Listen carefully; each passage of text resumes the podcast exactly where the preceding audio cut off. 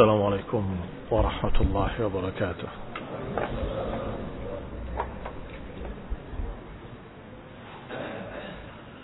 إن الحمد لله نهده ونستعينه ونستغفره ونعوذ بالله من شرور أنفسنا ومن سيئات أعمالنا من يهده الله فلا مضل له ومن يضلل فلا هادي له وأشهد أن لا إله إلا الله وحده لا شريك له وأشهد أن محمدا عبده ورسوله صلى الله عليه وعلى آله وأصحابه والتابعين وتابع التابعين ومن تبعهم بإحسان إلى يوم الدين.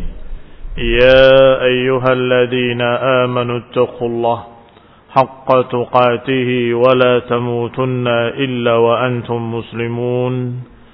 يا أيها الناس اتقوا ربكم الذي خلقكم من نفس واحدة وخلق منها زوجها وبث منهما رجالا كثيرا ونساء.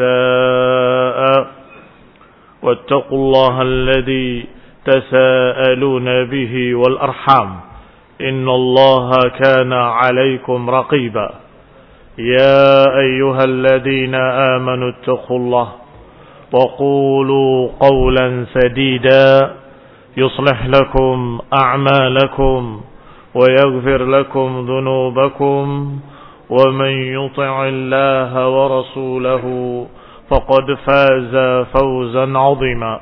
أما بعد فإن خير الحديث كتاب الله وخير الهدي هدي محمد صلى الله عليه وعلى آله وسلم وشر الأمور محدثاتها فإن كل محدثة بدعة وكل بدعة ضلالة وكل ضلالة في النار إخواني في الدين أعزكم الله كمسلمين رحمني ورحمكم الله Masih kita pada ucapan imam atau imaman Ar-Razian.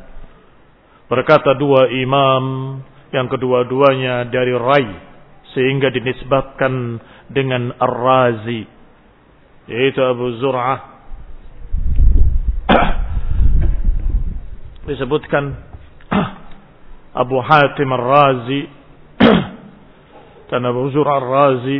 Rahimahumullah bahwa khairu hadhil ummah Abu Bakr as-Siddiq thumma Umar thumma Uthman thumma Ali bahwa sebaik-baik umat ini setelah nabinya adalah Abu Bakar Siddiq radhiyallahu taala anhu dan Umar bin Khattab kemudian Uthman bin Affan dan Ali bin Abi Thalib radhiyallahu taala anhum.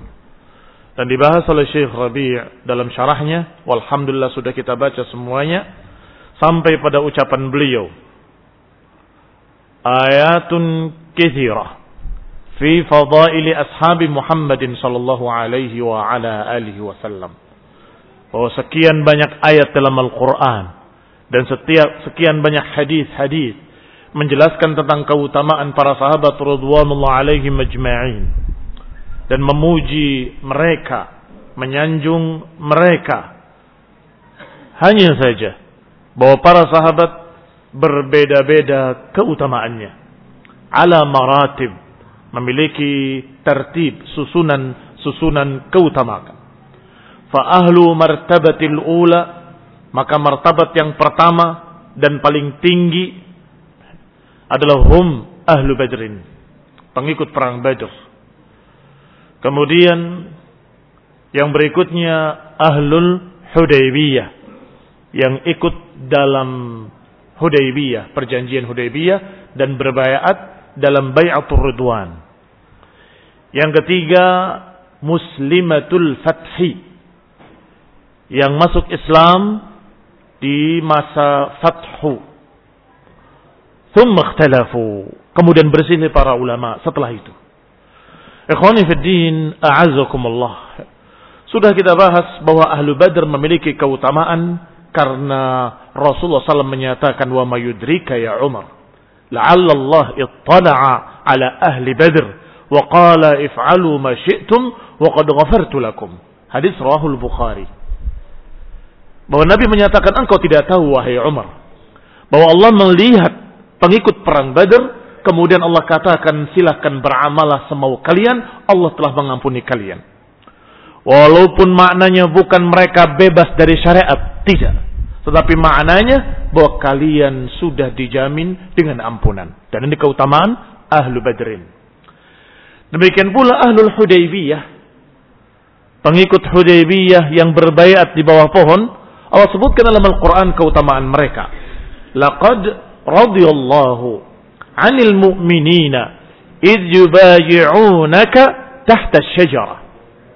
Sungguh Allah telah ridha kepada kaum mukminin yang telah berbaiat kepadamu di bawah pohon itu. Disebutkan dengan takkid penegasan. Laqad radiya. Sungguh-sungguh. Sungguh-sungguh Allah telah ridha kepada mereka yang berbaiat kepadamu di bawah pohon. Demikian pula dalam hadis yang menyatakan la yadkhulun nar ahadun bay'a tahta syajarah. Tidak akan masuk neraka seorang pun yang berbaiat di bawah pohon. Ini keutamaan para sahabat yang berbaiat di bawah pohon. Baru setelah itu adalah kaum sahabat, kaum muslimin yang masuk Islam setelah fathu, setelah Hudaybiyah. Tetapi Allah Subhanahu wa taala berfirman la yastawi minkum man anfaqa min qabl al-fath wa qatal ulaika a'zamu darajatan min alladhina anfaqu min ba'du wa qatalu wa kullan al-husna. Para ulama menyusun keutamaan-keutamaan sampai ada yang menyebutkan 10 tingkatan. Tingkatan pertama sahabat fulan fulan fulan, tingkat kedua sahabat fulan fulan sampai yang ke-10. Ala kulli hal, yang jelas seluruh para sahabat walaupun berbeda-beda keutamaannya, Allah jamin dengan jannah dengan ayat dalam surat Al-Hadid ayat 10. Allah Subhanahu wa taala berfirman, "La yastawi minkum man anfaqa min qabli al-fathi wa qatal." Tidak sama di antara kalian antara orang yang berinfak dan berjihad sebelum fathu, sebelum Hudaybiyah dengan orang-orang yang beriman, berinfak dan berjihad setelah fathu. Kata Allah tidak sama. Memang tidak sama. Tetapi Allah katakan wa kullan wa'adallahu husna. Tetapi masing-masingnya kami janjikan jannah. Al-husna adalah jannah. Maka ikhwani fiddin azakumullah. Jangan kita kemudian merendahkan. Mencerca para sahabat yang masuk Islam setelah fathu. Dengan bahasa-bahasa mereka akan masuk Islam setelah menang. Terpaksa masuk Islam. Karena sudah tidak bisa lagi mereka berbuat apa-apa. Mereka telah kalah ila akhir. Ini barakallahu fikum hati-hati. Karena sesungguhnya Allah telah menjamin seluruh para sahabat. Apakah yang masuk Islam sebelum fathu ataupun yang masuk Islam setelah fathu, Allah katakan wa kullan wa'adallahul husna. Masing-masingnya kami jamin dengan al-husna. Dan juga Rasulullah sallallahu alaihi wa ala alihi wasallam menyatakan la tasubbu ashabi. Jangan kalian cerca para sahabatku. Falau anna ahadakum anfaqa mithla Uhudin dahaban ma balagha mudda ahadihim wala nasifahu. Karena salah seorang kalian berinfak segunung Uhud emas nggak akan bisa menandingi mereka bahkan setengahnya mereka. Ini hadis sahih akhrajahu al-Bukhari wa Muslim fi sahihaihima dalam kedua kitab sahih mereka. La tasubbu ashabi. Jangan cerca sahabat-sahabatku. Dan sudah kita bacakan definisinya. Siapa yang dimaksud sahabat? Yaitu kata Ibnu Katsir rahimahullah, man laqiya Rasulullah SAW wa amana bihi wa mata ala dhalik. Siapa yang bertemu Rasulullah SAW beriman kepadanya dan mati di atas iman. Itu sahabat. Yang beriman tapi tidak melihat Rasulullah bukan sahabat. Yang melihat Rasulullah SAW tapi tidak beriman, bukan sahabat. Atau yang melihat dan beriman, tetapi ternyata keluar lagi dari Islam. Maka mereka bukan sahabat. Sehingga para sahabat tidak ada yang murtad, karena yang murtad itu bukan sahabat. Ikhwani a'azakumullah, kaum muslimin, rahimani wa rahimakumullah. Maka disebutkan oleh Allah Subhanahu wa taala tentang keutamaan-keutamaan para sahabat dan Nabi menyatakan la tasubbu ashabi. Jangan cerca sahabat-sahabatku. Lau tabadzala bibadlin atau ma badzalat wa tunfiq jibalan walaupun dia menginfakkan apa pun walaupun dia mensedekahkan segunung Uhud emas walaupun dia begini begini begini sesoleh-solehnya belum bisa menandingi para sahabat. Wahum ahlun laha wallah dan mereka para sahabat sungguh orang yang pantas mendapatkan keutamaan ini. Karena Rasulullah SAW berdakwah didukung oleh mereka. Mereka menjadi tentaranya, mereka menjadi pasukannya, mereka menjadi pembela-pembelanya. Maka ini keutamaan tidak bisa ditandingi oleh siapa pun setelah para sahabat. Liannahum aslamu wa ra'au Rasulullah wa nasaruhu wa jahadu fi hayatihi karena mereka bertemu Rasulullah, beriman kepadanya, membelanya, berjihad di dalam kehidupannya dan sampai setelah matinya. Sallallahu alaihi wa ala alihi wasallam wa radhiyallahu anhum ajma'in. Mereka berjihad ketika Rasulullah masih hidup sampai ketika Rasulullah wafat. Artinya kalau mereka cuma berpura-pura di hadapan Rasulullah, setelah Rasulullah SAW wafat, mereka tidak lagi semangat untuk berjihad. Yang tadinya berzakat atau mengeluarkan zakat, setelah Rasulullah wafat, nggak lagi semangat untuk berzakat. Kalau memang tidak ikhlas dan kalau memang berpura-pura. Seperti kaum Banu Hanifah yang murtadin. Mengapa mereka murtadin? Mereka berkata, kami berinfak karena kami ingin mendapatkan dari Rasulullah SAW doa salawat beliau. Sekarang nggak ada Nabi. Ngapain kami berinfak? Mereka berkata kami nggak akan mengeluarkan zakat lagi. Kami tidak akan lagi menegakkan zakat. Abu Bakar Siddiq sebagai khalifah mengancam mereka. Hendaklah kalian keluarkan zakat kalian. Kalau tidak, kami akan perangi kalian. Karena kalian meninggalkan satu rukun dari rukun-rukun Islam. Jawab mereka, bukankah Allah berfirman, Khud min amwalihim sadaqatan tutahhiruhum wa tuzakkihim biha wa salli alaihim inna salataka sakanun. Ambil dari mereka zakat untuk mensucikan mereka. Wa salli alaihim dan doakan mereka karena doamu, salawatmu wahai Rasul menentramkan mereka Ayat ini menunjukkan bahwa yang menentramkan kami adalah salawat Rasul. Sekarang sudah nggak ada Rasul. Ngapain? Saya mau zakat. Apa hukumnya? Seorang yang mengaku Muslim tapi tidak mau zakat. Pondasinya diruntuhkan oleh mereka sendiri. Maka bangunan Islamnya runtuh. Maka Abu Bakar Siddiq menyatakan, sungguh aku akan perangi mereka yang membedakan antara salat dengan zakat. Allah selalu iringkan salat dengan zakat dalam Al-Quran. Setelah aqamus salat, atahu zakah.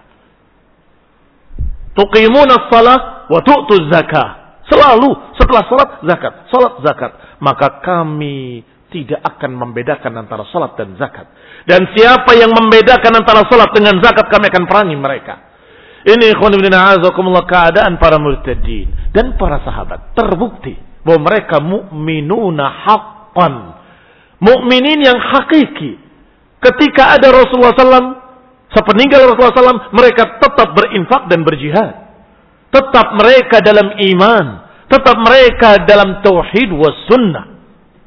Maka hum telah membuktikan keimanan mereka yang sungguh-sungguh dalam hati mereka.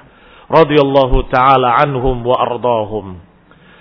Dan kemudian keikhlasan mereka dan kejujuran mereka dalam beriman dan dalam menegakkan dakwah hadallahu bihim umaman dengan itu Allah berikan hidayah pada sekian banyak manusia dengan sebab para sahabat Mereka berdakwah ke Romawi, ke Persia, ke Yaman, ke Afrika, sampai mencapai Sind. Sind itu sebelahnya Cina. Bahkan sampai ke Sin. Seperti saat di Abi Waqqas dikubur di sana. Radiyallahu taala anhu. Maka ini jasa atau satu amalan besar yang dilakukan oleh para sahabat yang menunjukkan keutamaan mereka yang tidak bisa ditandingi. Radiyallahu taala anhum. Satu orang saja masuk Islam dengan sebabmu kamu mendapatkan keutamaan seperti mendapatkan unta merah. Kata Nabi sallallahu wasallam wa wala an yahdiyallahu bika rajulan wahidan khairun laka min humrin na'am. Kalau saja ada seseorang mendapatkan hidayah karena sebabmu, maka sungguh itu lebih baik daripada unta merah. Tapi berapa orang yang mendapatkan hidayah karena sebab para sahabat? Ridwanullah alaihim ajma'in. Kaifa wa qad hadallahu ala aidihim syu'uban. Bagaimana Allah telah memberikan hidayah kepada bangsa-bangsa, bukan satu orang, dua orang. Negeri-negeri, masyarakat besar dari sekian banyak negara, sekian banyak bangsa masuk Islam karena perjuangan para sahabat. Nataradda anhum jami'an. Maka hendaklah kita berupaya untuk menghormati mereka dan mendoakan mereka dengan keriruan. Wa ma syajara bainahum min khilafin fi siffin Wa fil jamali hadzala nudhi'uhu. Adapun apa yang terjadi tengah mereka dari pertikaian dan perselisihan, apakah pada perang Siffin atau pada perang Jamal atau yang lainnya, maka kita jangan membesarkan dan membicarakannya ke sana kemari. Sebagaimana yang diajarkan dalam Al-Qur'an untuk tidak membicarakan sesuatu kejelekan seorang mukmin Jangan menggibahi orang mukmin. Mereka masing-masing beristihad. Dua belah pihak beristihad. Dalam hal ini ada ucapan yang sangat bagus dari Syekhul Islam Ibnu Taimiyah rahimahullah dan disebutkan dalam footnote kitab kita. Qala Syekhul Islam Ibnu Taimiyah rahimahullah. Berkata Syekhul Islam Ibnu Taimiyah rahimahullah bahwa ahlus sunnah yumsikuna amma syajara baina sahabah. Ahlu sunnah menahan diri, tidak membicarakan apa yang terjadi di antara para sahabat dari perselisihan-perselisihan. Yaqulun, mereka berkata, inna hadhihi al-athar al-marwiyah fi masawihim minha ma huwa kadibun wa minha ma qad zida fihi wa nuqsa وغير عن وجهه والصحيح منه هم فيه معذورون lihat ucapan ahlu sunnah. Mereka ahlu sunnah tidak membicarakan perselisihan para sahabat dan mereka berkata riwayat-riwayat asar-asar tentang kejadian fitnah dan perselisihan mereka itu ada berapa jenis? Ada yang dusta riwayatnya tidak bisa dipercaya. Yang berkata katanya uh, Amr bin As membuka bajunya dan semua pakaiannya telanjang agar Ali bin Abi Thalib memalingkan wajahnya karena beliau karramallahu wajhah ila akhir. Ada kadibun. Ini dusta. Ada yang dusta kisahnya. Ada yang ditambah dan dikurangi. Kejadiannya benar, tetapi ditambah dan dikurangi. Ada yang dirubah dan diganti. Tapi ada pula yang sahih. Riwayat yang sahih memberitakan bahwa memang terjadi perselisihan dalam Siffin dan dalam perang Jamal. Taib itu pun mereka padanya ma'dur. Jadi dipilah-pilah dulu. Yang ini daif jangan dipercaya. Yang ini sudah dirubah, ditambah dan dikurangi, jangan dipercaya. Yang ini benar, tetapi para sahabat mendapatkan uzur. Mengapa? Masing-masing memiliki hujah dan dalil dan itu ijtihad mereka yang dari pihak sini membawa ayat Allah Subhanahu wa taala. Pihak Muawiyah dan yang bersamanya. Man qutila madluman faqad ja'ala liwaliyihi sultana. Kalau ada seseorang yang terbunuh dengan zalim maka kerabatnya keluarganya boleh menuntut kesas menuntut kesas dan ini yang dilakukan oleh beliau. Karena Uthman bin Affan terbunuh oleh Khawarij. Maka harus diselesaikan Khawarij ini. Kata mereka. Pihak yang kedua juga membawa dalil-dalil bahwa sekarang sudah dibaiat seorang khalifah. Yaitu Ali bin Abi Thalib. Maka engkau dan yang bersamamu bayat kepada khalifah. Baru kemudian kita bicarakan apa yang akan kita bicarakan. Maka terjadilah perbedaan pendapat. Ikhwani fid din, a'azakumullah radhiyallahu taala anhuma wa anhum ajma'in. Semoga Allah meridai keduanya dan semoga Allah meridai seluruh yang bersamanya dengan setinggi-tinggi keridhaan. Radhiyallahu taala anhum ajma'in. Qala imma mujtahidun musibun wa imma mujtahidun mukhti'un. Kata para ulama ahli sunnah ada dua kemungkinan saja Imma dia adalah orang yang beristihad dan benar atau beristihad dan salah. Yang beristihad dan benar mendapatkan dua pahala. Yang beristihad dan salah mendapatkan satu pahala. Berarti kedua-duanya mendapatkan pahala. Dan itu dari hadis yang sahih. Rasulullah SAW menyatakan, "Idza ijtahadal hakim fa asab falahu ajran." Wa idza ijtahadal hakim fa akhta falahu ajrun wahid. Kalau seorang hakim memutuskan dengan istihadnya, kemudian benar, dia mendapatkan dua pahala. Kalau dia beristihad, bersungguh-sungguh mencari kebenaran, tetapi keliru, maka dia mendapatkan satu pahala. Maka kaum muslimin rahimani wa rahimakumullah. Para sahabat yang berbeda pendapat tadi yang berselisih. Yang benar mendapatkan dua pahala. Yang salah mendapatkan satu pahala. Kedua-dua pihak mereka mendapatkan pahala dari Allah subhanahu wa ta'ala. Karena istihadnya. Karena kesungguh-sungguhannya. Wahum ma'adhalika. La ya'taqiduna anna kulla wahidin minas sahabah ma'sumun. Bersama dengan itu Para ulama ahli sunnah tidak menganggap para sahabat itu maksum. Kita ahli sunnah tidak menganggap bahwa para sahabat itu bersih dari kesalahan. Tidak. Yang maksum hanya Rasulullah SAW. Adapun para sahabat manusia bisa salah, bisa alpah, bisa keliru. Maka kaum muslimin rahimani wa rahimakumullah. Kalaupun kita katakan salah. Salah satu pihak atau salah satu dari mereka ada yang jatuh dalam dosa sekalipun. Maka kita harus ingat bahwa kesalahan mereka adalah sangat kecil dan sedikit dibandingkan dengan pahala mereka yang sangat banyak. Saya bertanya sekarang, apa hukumnya menceritakan kesalahan kaum mukminin? Haram. Tidak boleh menjelek-jelekkan kaum mukminin karena mereka tergelincir dalam satu kesalahan. Yang wajib adalah menasehati mereka, mengingatkan mereka, menegur mereka dengan baik. Apalagi para sahabat radhiyallahu alaihi majma'in yang sudah dijamin dengan ampunan. Apa jaminannya? Jaminannya hadis tadi. Kalau ahlu badr sudah dikatakan if'alu ma syi'tum wa qad ghafartu lakum. Kalau ahlu badr sudah dikatakan oleh Allah dalam hadis kursi yang diucapkan oleh Rasulullah SAW bahwa Allah mengatakan silakan kalian berbuat apa pun Allah sudah jamin kalian dengan ampunan. Karena Allah tahu keimanan mereka, maka Allah jamin dengan ampunan.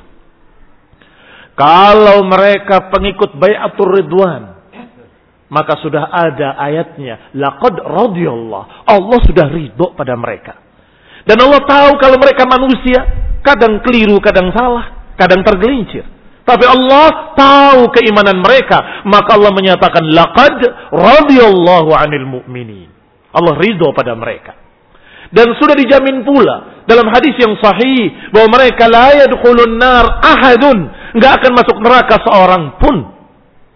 Baik, sudah dijamin semuanya. Kalau bukan ahlu badr, bukan pula ahlu bayatul ridwan, bagaimana? Allah sudah katakan secara umum dalam akhir surat Al-Fatah. Akhir surat Al-Fatah Allah katakan dengan jaminan ampunan. Setelah Allah katakan Muhammadun Rasulullah walladzina ma'ahu asyiddau 'alal kuffari ruhama'u bainahum. Siapa yang sedang dipuji dalam ayat ini? Muhammadun Rasulullah. Walladzina ma'ahu. Dan yang bersamanya. Tidak peduli apakah ikut bayatul ridwan ataupun tidak. Apakah ikut badar ataupun tidak sempat. Mungkin mereka ada yang berkata. Tapi kan Muawiyah baru masuk Islam di akhir-akhir. Nggak ikut bayatul ridwan, nggak ikut ini, nggak ikut itu. Kita katakan, bukankah Allah menyatakan walladzina ma'ahu. Dan yang bersamanya. Bersamanya dalam iman bersamanya di dalam tempat yang sama, bertemu dan beriman. Dipuji oleh Allah. Sampai Allah katakan wa'ada, Allah janjikan untuk mereka maghfiratan wa ajran azima. Setelah Allah puji mereka dengan di dalam ayat tersebut ruk'an sujada yabtaguna fadlan min Allah wa ridwana simahum fi wujuhihim min athari sujud dzalika mathaluhum fit taurat wa mathaluhum fil injil kazar'in akhraja shat'ahu fa'azarahu fastaghlaba fastawa ala suqi yu'jibu az-zurra'a liyaghidha bihim al-kuffar kemudian Allah katakan wa'adallahu alladhina amanu minhum maghfiratan wa ajran 'azima. Allah janjikan untuk mereka maghfiratan ampunan wa ajran azima dan pahala yang besar. Mau apa lagi? Mau ngungkit-ngungkit kesalahan mereka? Siapa di antara kalian, di antara kita yang dijamin dengan ampunan? Tidak ada seorang pun. Bahkan kaum Syiah atau mutasyayyi'in yang terpengaruh dengan Syiah yang sok mengkritik para sahabat, mengatakan bulan begini, bulan begitu, kita tanyakan pada mereka, apakah kalian dijamin dengan ampunan? Kalian punya dosa, mereka juga punya. Lebih banyak mana dosa kalian dengan dosa para sahabat? Atau kekeliruan? Karena belum tentu kekeliruan itu dosa. Kekeliruan kalian, kesalahan kalian dengan kesalahan para sahabat. Ayuhuma aksar, ayuhuma a'zam. Jelas kalian lebih banyak dosanya, lebih banyak kesalahannya, lebih besar itu pun kalian tidak mendapatkan jaminan sedangkan para sahabat mendapatkan jaminan. If'alu ma syi'tum wa qad ghafartu lakum. Atau la yadkhulun nar ahadun bay'at tahta syajarah atau ayat ini. Wa'adallahu alladhina amanu minhum maghfiratan wa ajran 'azima. Atau ayat lain Allah Subhanahu wa taala berfirman, "Laqad taballahu 'alan nabi Allah telah memberikan taubatnya, ampunannya kepada Nabi. Wal muhajirin wal ansar alladzina tabauhum fi sa'atil usrah. Yaitu ya kata Allah yang mengikuti Rasulullah dalam keadaan-keadaan sulit. Dikatakan dijamin dengan taubah diterima taubatnya. Wa 'ala thalathatil ladzina khulifu dan kepada tiga orang yang tidak ikut jihad, tidak ikut perang waktu itu. Ka'ab bin Malik dan dua sahabat lainnya. Allah katakan dan tiga orang pun diampuni mereka, diterima taubatnya. Masya Allah. Kau muslimin rahimani wa rahimakumullah. Setelah fathu masih banyak jihad. Setelah fathu masih banyak perjuangan-perjuangan. Amalan-amalan besar dari para sahabat. Ridwanullah alaihim ajma'in. Qala. Lianahum kulluhum mujtahidun. Karena para sahabat itu kalaupun dikatakan salah, mereka para mujtahid yang beristihad dengan ilmu yang mereka punya. Dengan ayat, dengan dalil. Kalau benar dapat dua pahala, kalau salah mendapatkan satu pahala. Walam yuqatilu min ajli hawa. Mereka tidak berperang karena hawa nafsu. Mereka tidak berperang karena merebut atau berebut kekuasaan Jangan dibayangkan bahwa mereka itu seperti tokoh-tokoh politik hari ini. Jangan dianggap bahwa mereka seperti politikus. Tidak sama sekali. Sangat jauh berbeda. Ikhwani fiddin, azakumullah. Innama kullun minhum mujtahid. Yara nafsahu annahu alal haq. Masing-masing membawa hujjah. Masing-masing membawa dalil dan mereka merasa yakin dalil ini menunjukkan kalau saya di atas kebenaran. Dan jangan berkata, nggak mungkin orang saling membunuh kok dua-duanya masuk surga. Kata siapa nggak mungkin? Kata siapa? Disebutkan dalam hadis yang sahih bahwa Allah Subhanahu wa taala tertawa, tersenyum Karena ada dua orang yang saling bunuh dan dua-duanya masuk surga. Ima yang pertama membunuh yang kedua dalam keadaan mukmin maka yang terbunuh masuk surga kemudian yang kedua yang membunuhnya taubat kemudian diterima pula masuk surga pula. Itu dalam beberapa riwayat. Wa imma masing-masing beristihad dengan istihadnya maka masing-masing di atas keyakinannya dan itu benar. Dan ini barakallahu fikum yang Allah sebut dalam Al-Quran. In ta'ifatani minal mu'minina qatatalu. Perhatikan ayat ini. Dalam surat Al-Hujurat. In ta'ifatani minal mu'minina qatatalu. Kalau ada dua kelompok mukminin berperang, maka damaikan keduanya. Berarti mungkin dong. Dua mukminin berperang. Mungkin kesalahpahaman, kekeliruan. Dalam keadaan mereka beristihad, dikira ini yang hak, maka mereka perjuangkan. Wa innamal a'malu bin niat. Sedangkan amal itu tergantung niatnya. Dia memperjuangkan ayat yang ini, dan ini memperjuangkan ayat yang itu. Dan terjadilah perselisihan. Kata Allah wa inta ifatani minal mu'minin. Kalau dua golongan mukminin berperang, ini dalil bahwa mungkin saja terjadi dua kelompok mukminin kemudian bertikai sampai berperang. Karena Allah Subhanahu wa taala yang Maha tahu. Tidak mungkin menyatakan kalau dua kelompok mukmin berperang, kalau tidak mungkin terjadi. Karena ada beberapa orang yang berpikir dengan prinsip yang salah. Kalau dua golongan berperang, ima dua-duanya kafir atau salah satunya kafir. Nggak mungkin dua mukmin berperang. Ini kebodohan. Ini kebodohan. Kaidahmu keliru. Dibantah oleh Allah dalam Al-Quran dalam surat Al-Hujurat. Wa in ta'ifatani minal mu'minin iqtatalu. Kalau ada dua golongan dari kalangan mu'minin berperang, maka damaikan keduanya. Kemudian dilanjutkan. Fa in bagat ihdahuma 'ala al-ukhra faqatilul lati tabghi. Kalau yang satu menyalahi penguasa yang sah, maka hendaklah kamu dukung penguasa untuk memerangi mereka agar tidak terjadi kekacauan. Ini ikhwani fid din a'azakumullah kaum muslimin rahimani wa rahimakumullah maka para sahabat ma'durun mendapatkan udur karena masing-masingnya beristihad dengan ayat dengan dalil-dalil. Baik, lagi pula siapa bilang bahwa dalam fitnah Siffin, dalam fitnah Jamal itu seluruh para sahabat ikut berperang. Siapa yang bilang? Tidak seluruh para sahabat terlibat. Bahkan justru yang terlibat dengan yang tidak terlibat lebih banyak yang tidak terlibat. Syekh Rabi hafizahullah wa ra'ah memberikan faedah penting pada kita dalam kitab kita ini. Perhatikan ucapan beliau. Qala was sahaba 'inda hudusil fitnah hadhil fitnah inqasamu ila thalathati aqsam. Sedangkan para sahabat dalam fitnah tersebut bukan terbagi menjadi dua. Terbagi menjadi tiga golongan. Thalathati aqsam. Kesmun, satu golongan. Kana ma'aliyin. Satu golongan bersama Ali bin Abi Thalib. Mendukung Ali bin Abi Thalib. Menganggap dengan dalil-dalil, dengan istihad bahwa Ali di atas kebenaran. Wa qismun kana ma'a Muawiyah.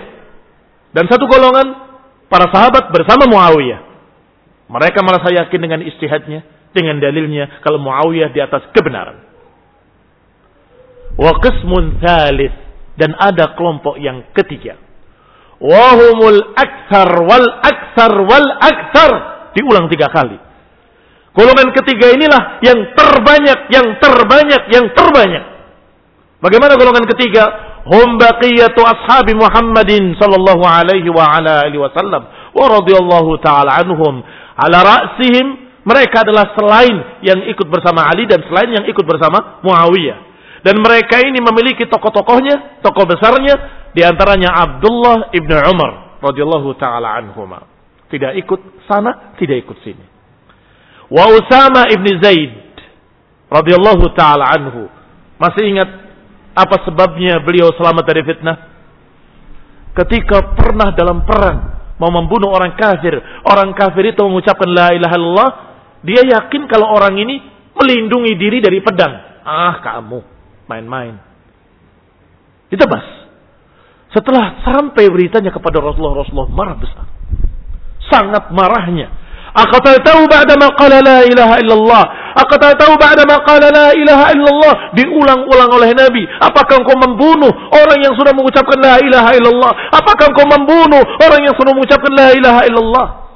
Sampai beliau, Usama ibn Zaid berkata, sungguh demi Allah, seakan-akan aku ingin aku masuk Islam itu setelah kejadian ini. Sehingga aku tidak mengalami kejadian ini. Sampai begitu. Saking sedihnya, merasa sangat salahnya. Ternyata marahnya Rasulullah menjadi barakah. Di masa fitnah, Usama ibn Zaid termasuk yang selamat. Diajak oleh pihak sana, ditolak. Diajak oleh pihak sini, ditolak. Dan dia berkata, sungguh masih terngiang di telingaku. Ucapan Rasulullah SAW, Aqataltahu ba'da maqala la ilaha illallah. Masih terngiang di telingaku ucapan Rasulullah, apakah kau membunuh orang yang sudah mengucapkan la ilaha illallah? Masih terngiang di telingaku. Aku tidak akan mengulanginya. Dan aku tidak akan mengulangi membunuh seorang yang mengucapkan la ilaha illallah. Abada. Dia pergi. Tidak ikut sana, tidak ikut sini. Taib. Demikian pula Sa'ad ibn Abi Waqqas. Demikian pula seorang yang namanya sudah Muhammad sebelum masuk Islam. Muhammad ibn Maslamah. radhiyallahu taala anhu. Beliau juga selamat. Mengapa? Karena beliau mendapatkan pesan dari Rasulullah SAW. Kalau engkau melihat dua kelompok kaum mukminin berperang, maka patahkan pedangmu, ambil pedang kayu dan pergilah ke gunung-gunung. Maka ketika beliau kejadian tersebut beliau patahkan pedangnya dan beliau ambil pedang kayu dia menjauh. Ditanya, apa yang kamu lakukan? Ini pesan Rasulullah SAW kepadaku. Begitu mereka mendengar pesan Rasulullah SAW kepada Muhammad ibn Maslama, maka yang lain ikut bersama Maslama. Menghindar dari pertikaian, menghindar dari peperangan antara mukminin. Kata Syekh Rabi Hafizahullah, wahum akthar wa akthar wa akthar. Dan ini merubah image kita. Para sahabat ribut bertikai. Barakallahu fikum. Yang bertikai itu tidak lebih dari 30 orang sahabat saja. Sedangkan jumlahnya para sahabat. Yang ketika Bayatul Ridwan saja itu sudah 1500. Apalagi setelah Fathu berapa? 12.000 orang. Mengapa kamu mencerca para sahabat, menghinakan mereka, ribut begini, begini, begini, padahal yang berbuat atau yang terjadi, yang terlibat hanya sedikit, lebih banyak yang tidak terlibat. Dan yang terlibat pun orang-orang mulia, orang-orang hebat, dan mereka memiliki istihad, memiliki dalil pada masing-masingnya. Memiliki hujjah. Haulai tawaqqafu 'anid dukhul fil fitnah. Golongan ketiga ini golongan yang terbanyak dari para sahabat tidak ikut dalam fitnah. Loh bukankah banyak jumlahnya bukan cuma 30. Ikhwani fiddin azakumullah. Saat itu banyak orang-orang yang bukan sahabat.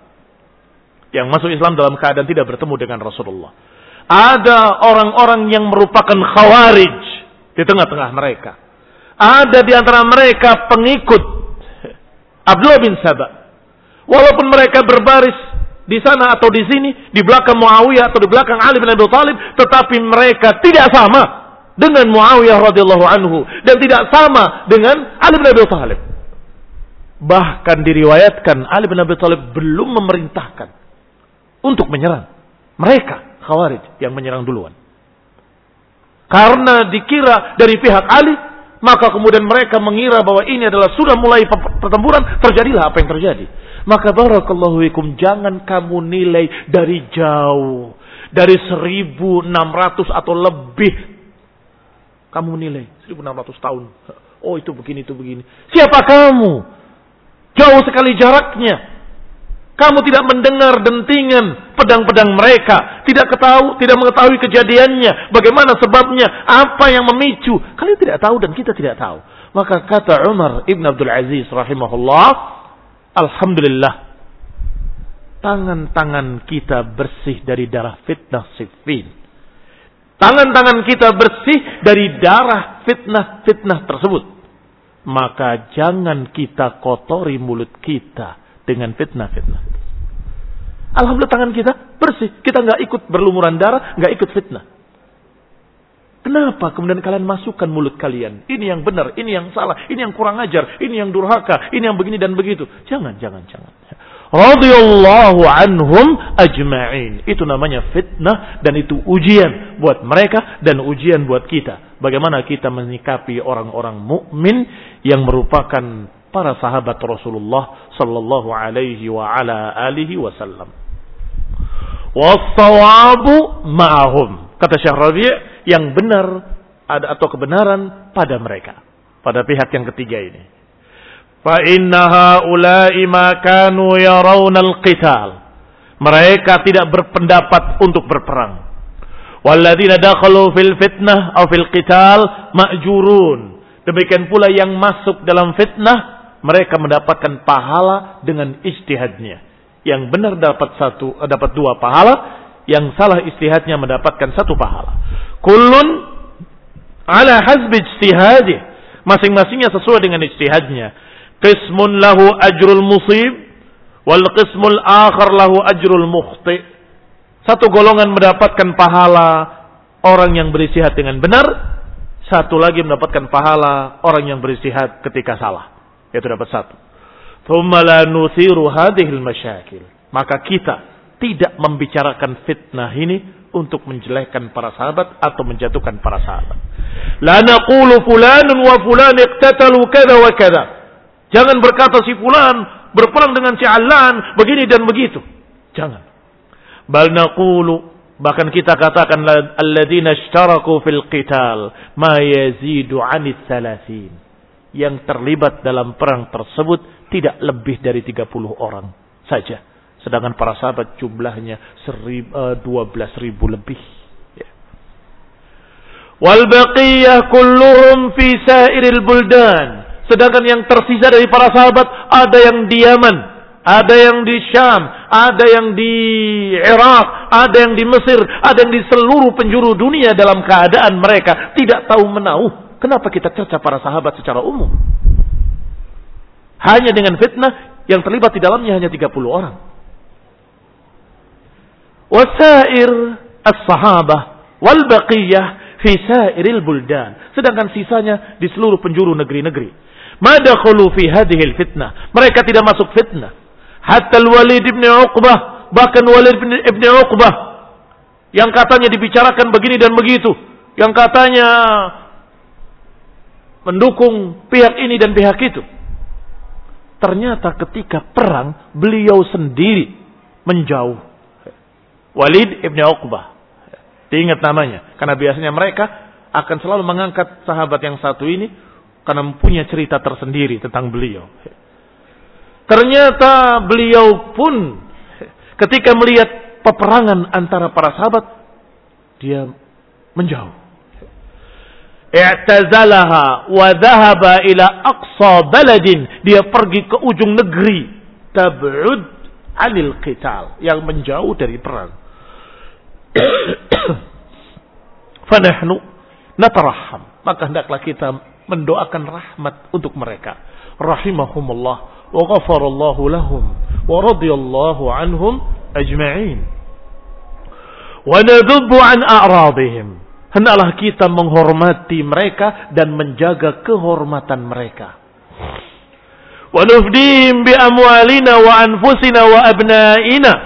Dan kita bela mereka dengan semua pengorbanan kita, dengan harta kita, dengan jiwa kita, dengan anak-anak kita. Nas'alullah an yahsyurana fi zumratihim. Semoga Allah gabungkan kita dengan mereka. Wa an yaj'alana min atba'ihim. Semoga Allah jadikan kita pengikut mereka yang meniti jejak mereka, menjalani jalan mereka, mengikuti manhaj mereka. Radiyallahu taala anhum ajma'in. Amin wa sallallahu ala Muhammadin وعلى آله وأصحابه وسلم تسليما كثيرا سبحانك اللهم وبحمدك أشهد أن لا إله إلا أن أستغفرك وأتوب إليك والسلام عليكم ورحمة الله وبركاته